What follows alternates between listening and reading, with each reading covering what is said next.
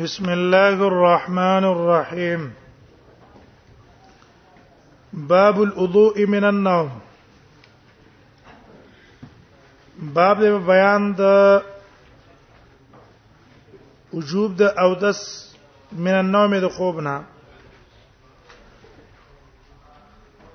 خوب باندې او دس ماتيږي کنه دا اختلافي مسله د علماو منځ کې یو قول دا دی چې په سره په خوب باندې او دس ماتيږي نه ځکه دا ناقص په خپل نه ده ناقص ده او دس ده نه دا قول نقل دی د ابو موسی الاشعری نه او د نورو کسانو نه او هغه استدلال نه ولا ده استدلال و دې چې ګوره په قران کې چې کوم نواقض ذکر شوی دی پاکي خوب نشته او ابن المنذرم اول دا قول کړو بیا وروسته دې قول نه رجوع کړي ابن المنذر دې قول نه وروسته بیا رجوع کړي دویم قول تفسیر ان شاء الله ابو داود کې نږدې را روان دلته به تفسیری بیانو دویم قول هغه دا ده چې خوب ناقص ده مطلقاً خوب ناقص ده مطلقاً وی وجه دا ده چې نبی صلی الله علیه وسلم په حدیث د ابن عسال کې ویلي چې الله ننزع خفافنا ثلاثه ايام الا من نوم او بول او غائط ګور بول د چا څه یو ځای کړه د بولو د غایت سره دا نوم یو ځای کړی د بولو د غایت سره نو پای کې د قلیل او د کثیر فرق نشته د قصې په خوب کې د قلیل او د کثیر فرق نشته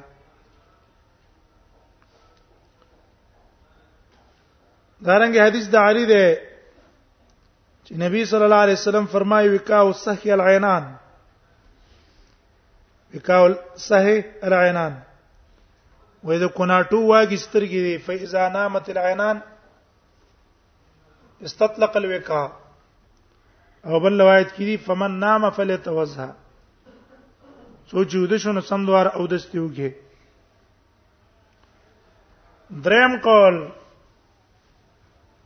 هغه دا ده چې خوب په خپل حدث نه ده خوب په خپل په نفسي حدث نه ده خدا مزنه ده حدث ده مزنه ده څه ده مزنه ده حدث ده چې دا مزنه ده حدث شوه نو په کار دا دی چې موږ څوک موږ د قلیل او د کثیر منځ کې فرق وکړو کچرته خوب ډیرو دا ناقص ده او که خوب ډیر نو کمو ناقص نه ده نه بیا په دې کې اختلاف ده چې د قلیل او کثیر منځ کې به څه فرق دی احناف علما وایي وی قلیل هغه دی چې ستر تکیا نه ویالي او تود شي او که څه ته تکیا والا او ته ودشوي دا کثیر ده هغه فرق پڅ کې کوي په اتکا مننا او مستجان د فرق د کړه ده په دغه حدیث د دالانی ابي خالد الدالاني او کمزورې روایت ته امام ابو داود بم د قراوړي تفسیری و پیرا دوکي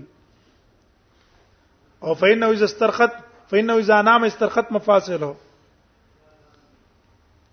امام احمد هغه قلیل او کثیر دا وایي او تقریبا امام شافعی قولم امام بونی فسره ده هغه وای ک په خوب په سجده کې ود شو دا قلیل نه او که په نور حالتونو باندې ود شو دا کثیر نه چا دې الټا قول کړی دی الټا وکه په سجده کې پریوتو نو دا کثیر دی اج په غیر د سجدې نه په قیام او په رکوع کې دا کثیر دی دا فرقونه کړی د شوکانی صاحب هم د ترجیح قلیل او کثیر لور کړي شوکانی صاحب ترجیح قلیل او کثیر لور کړي او څو علماو ترجیح اول قول لور کړي دویم قول لا چې نا فو په خپل ناقص ده مگر استثناء تشتا د وجه ده قول د ابي هريره نه الا الخبقه والخبقتان څه کړي استثناء کړي هغه استثناء د وجه نه هغه وغیله ترجیح ور کړي ونږدې دا مسلې چې روانه دلته بیانو باب الوضوء من النوم باب بیان او دس من النوم د خوبنا وبي قال سن اسماعيل بن موسى وهناد ومحمد بن عبيد المحاربي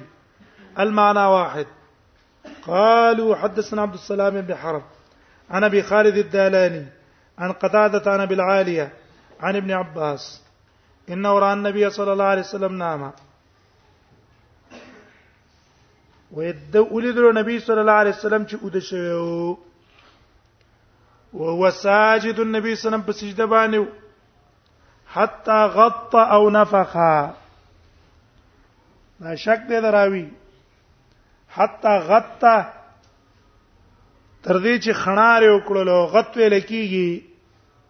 هغه आवाज ته چې انسان سارا غستلو ټیم کې اوزي او نفخه شک دې دراوي او نفخه یا نبی صلی الله علیه وسلم هغه आवाज وکړ د خوب ثم قام به پاتې د نبی صلی الله علیه وسلم د خوب نه بعد یصلی منځ کو قلت یا رسول الله ما تريد الله پیغمبره انك قد نمت یقینا ته خو دې شوه قال نبی صلی الله علیه وسلم ان الوضوء لا يجب الا على من نام مستجعا ګور په کار دا و چې نبی صلی الله علیه وسلم د ته جواب ورکړی و چې زما خوب باندې او دسنه ماتيږي ځکه د انبیاو خصوصیت دا دی چې سترګې پټي خوځړي ایخي په خپل احوال باندې کنټرولې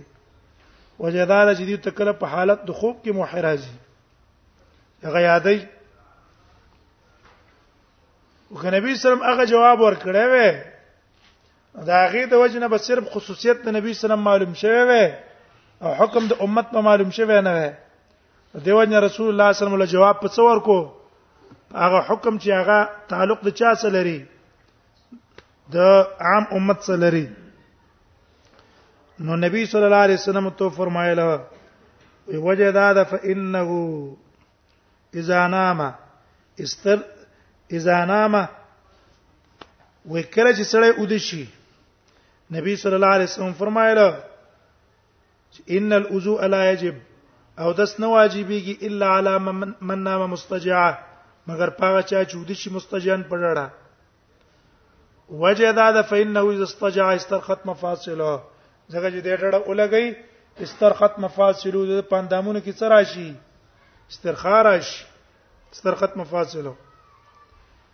قال ابو اسحاق او ابو خالد اسمه يزيد ابن عبد الرحمن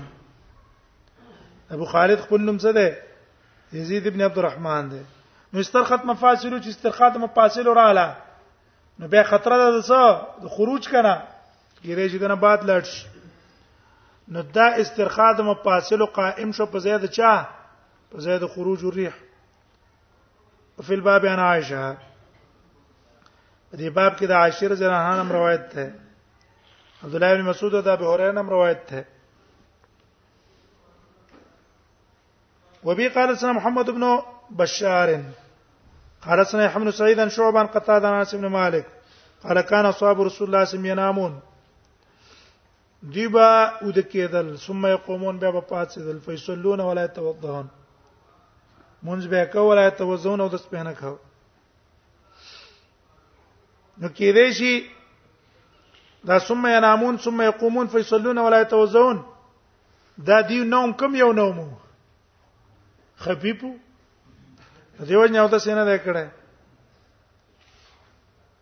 دا حدیث دا انس راضی ابو داود کې هم قال ابو سوي هذا حديث حسن صحيح وسمعت صالح بن عبد الله يقول سالت ابن المبارك عمن نام قاعدا وای ما ته پوسو کو دا هغه نه په بارد هغه چا کې چودي شي قاعدن پناستا متعمدن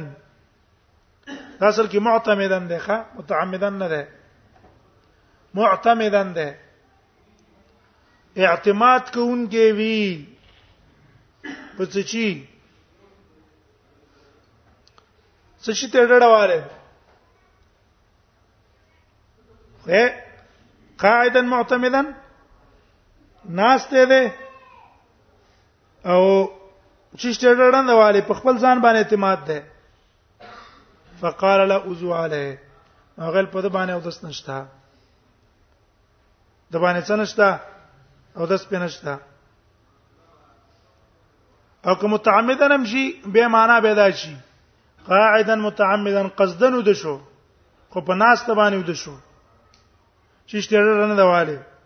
دا او د سمات ته کنه فقال له وزواله قال وقد روي حديث ابن عباس رواه حديث ابن عباس دا حدیث د عبد الله ابن عباس نو د ابي د ابي خالد الدالاني والا دا نقل کړی سعید ابن ابي عروبه د قتاده عن ابن عباس او قوله مرفوع کړی رسول الله ته نه ده دا قول چا ده عبد الله ابن عباس ده ولم يذكر فيها بل عاليه ابو العاليه په کې نه ذکر کړي ابو العاليه په کې ذکر کړي نه هغه په کې پریخه او ولم يرفعه او مرفوع کړي هم نه ده لیکن ابو داود کې با معلوم شي ته چې دا حدیث کمزور دی وجه د زوب امام ابو داود په خپل د دې ذکر کړی دی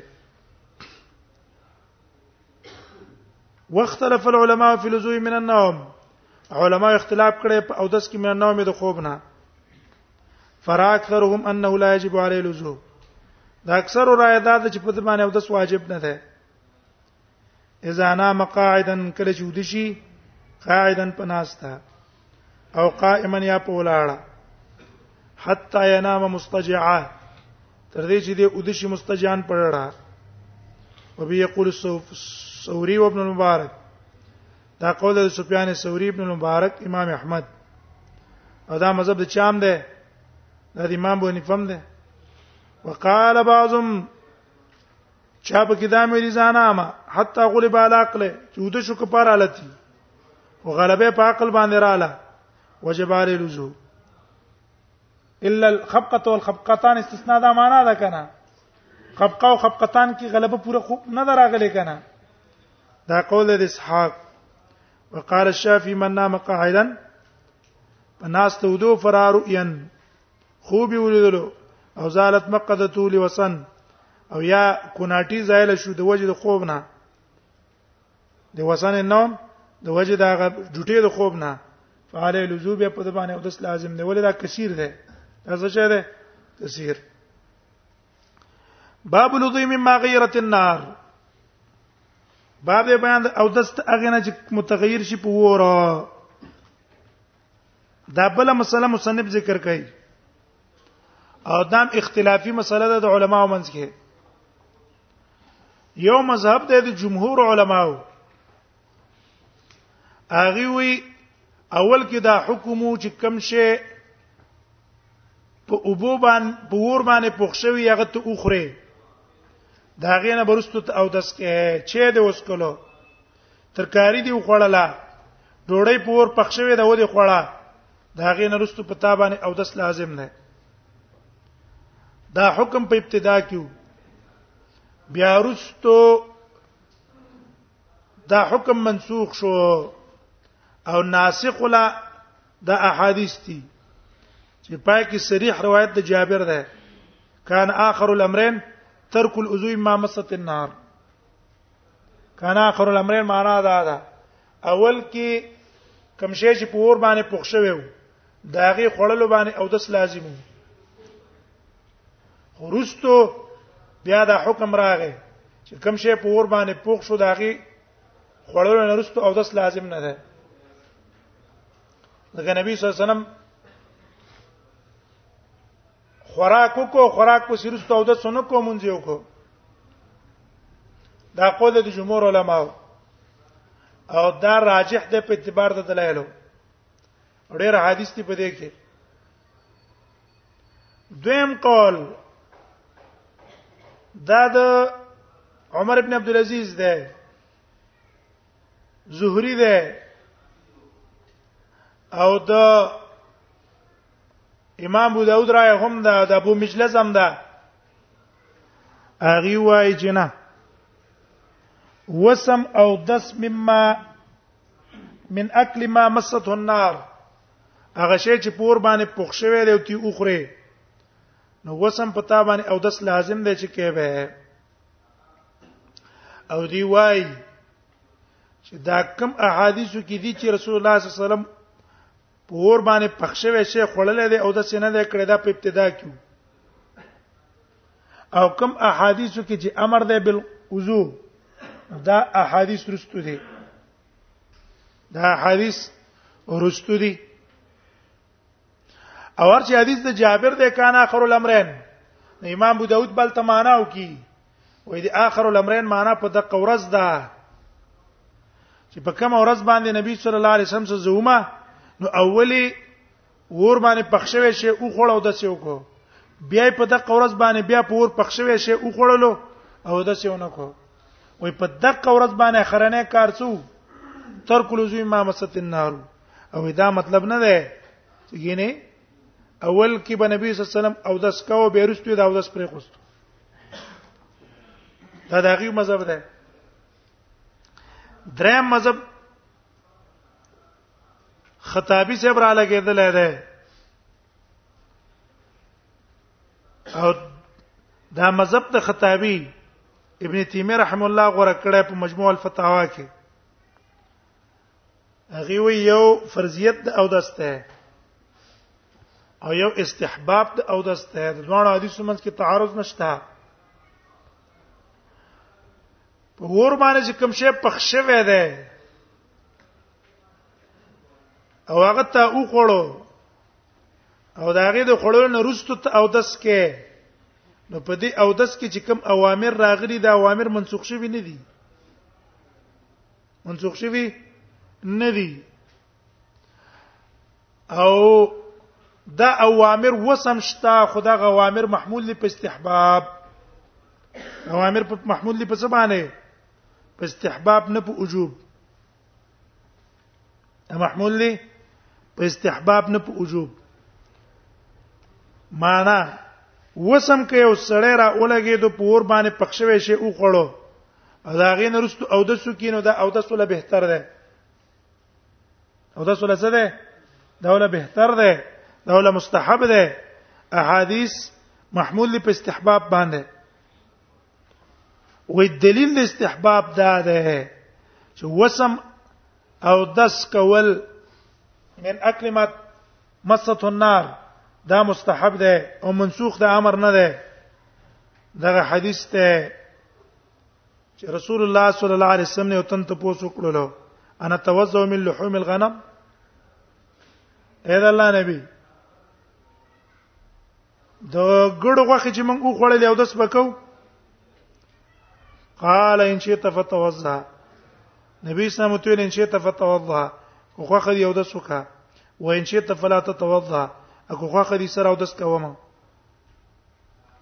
طریقه د استدلال دا ده دی وی ګوره لولا ان الوضوء فيه مستحبا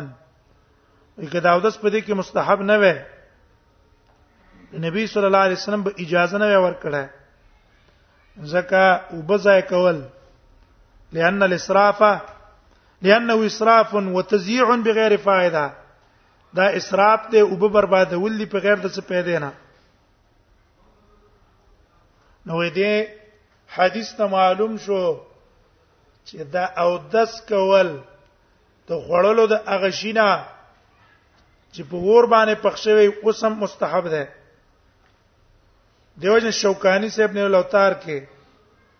قول د عدم نسخ راجح کړی دی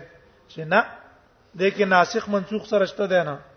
اول قول والا د رستنی د سنه امر والا منسوخی او امر والا حدیث د جواز منسوخی وي په دې باب کې نسخ نسخ نشته بیا وی الاحاديث الوارده فی ترک الوضو من لحوم الغنم کوم احادیث چې راغلي دي په ترک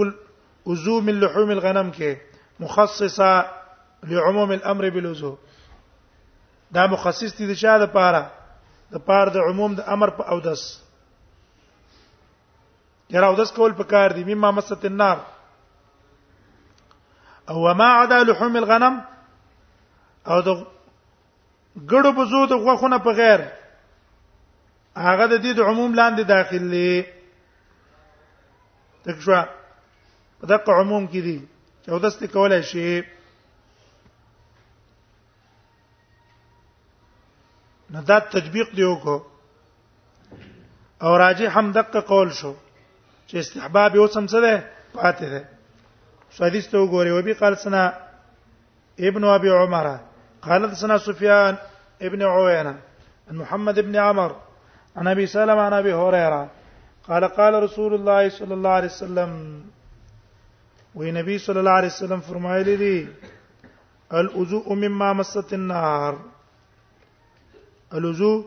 معنا لازم ده او دست د هغه نه چې مس شوی په ور باندې ولو من ثور اقتن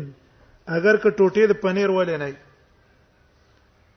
اې د پنیر ټوټه دی پور باندې پخښوي دا کنه کاغم دی او غړاو د سپکه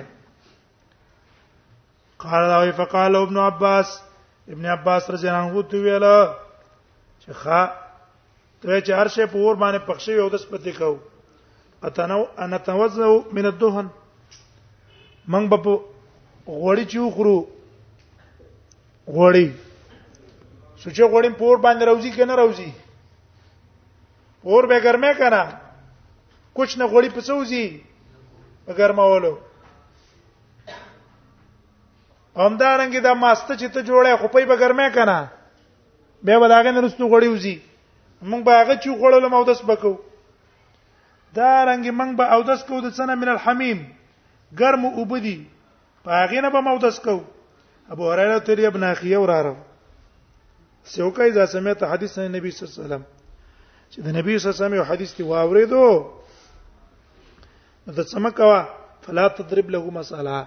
تیر پر مثال نه بیان او زه تم چې رسول الله سم یو دس بکې اته یې جره پلان کې شی مو خړو پلان کې شی مو خړلو مثال نو لڅ بل بیان ہے وفي الباب انو ام حبيبه په دې باب کې د ام حبيبه روایت هم ده ام حبيبه روایت بن شلا ابو داود کې مراش امام نسائی احمد هم راوړل دا رنګ په دې باب کې د ام سلمې روایت هم ده ام سلمہ او د زید دا روایتونه امام مسلم راوړي توزو امام ستناب و ابي طلحه او د ابي طلحه روایت ته تحوی راوړی تبرانی راوړی په کبیر کې و ابي ایوب تبرانی راوړی په کبیر کې و ابي موسی او د ابي موسی روایت هم د امام احمد او تبرانی راوړی به ظاهر د حدیث نه معلوم شو چې اذن ما مست النار لازم ده او دا مذهب د ابن عمر هم ده ابو تلحم ده انس هم ده د ابو موسان ده د عائشه د زید ابن ثابت ابو هريره عمر ابن عبد العزيز ابو مجلس او یحیی ابن یعمر او حسن بصری او زهری قال ابو سواي وقد را بعض اهل العلم مما غيرت النار بعض علماء دا لیدلی چې او داس پکې لکه موږ دا کسان وکړه بیانم کړه خو اکثر علماء من اصحاب النبي صلی الله علیه وسلم والتابعين اکثر اهل علم د اصحاب د نبی صلی الله علیه وسلم او د تابعینونه ومن بعدهم على ترك العضو مما غيرت النار هغه کوم شی چې پور باندې پوښ شو هغه نه باودس نه کړي او دې استدلال پس نه ولې ده په دې روایتونو بابن فی ترک العضو مما غیرت النار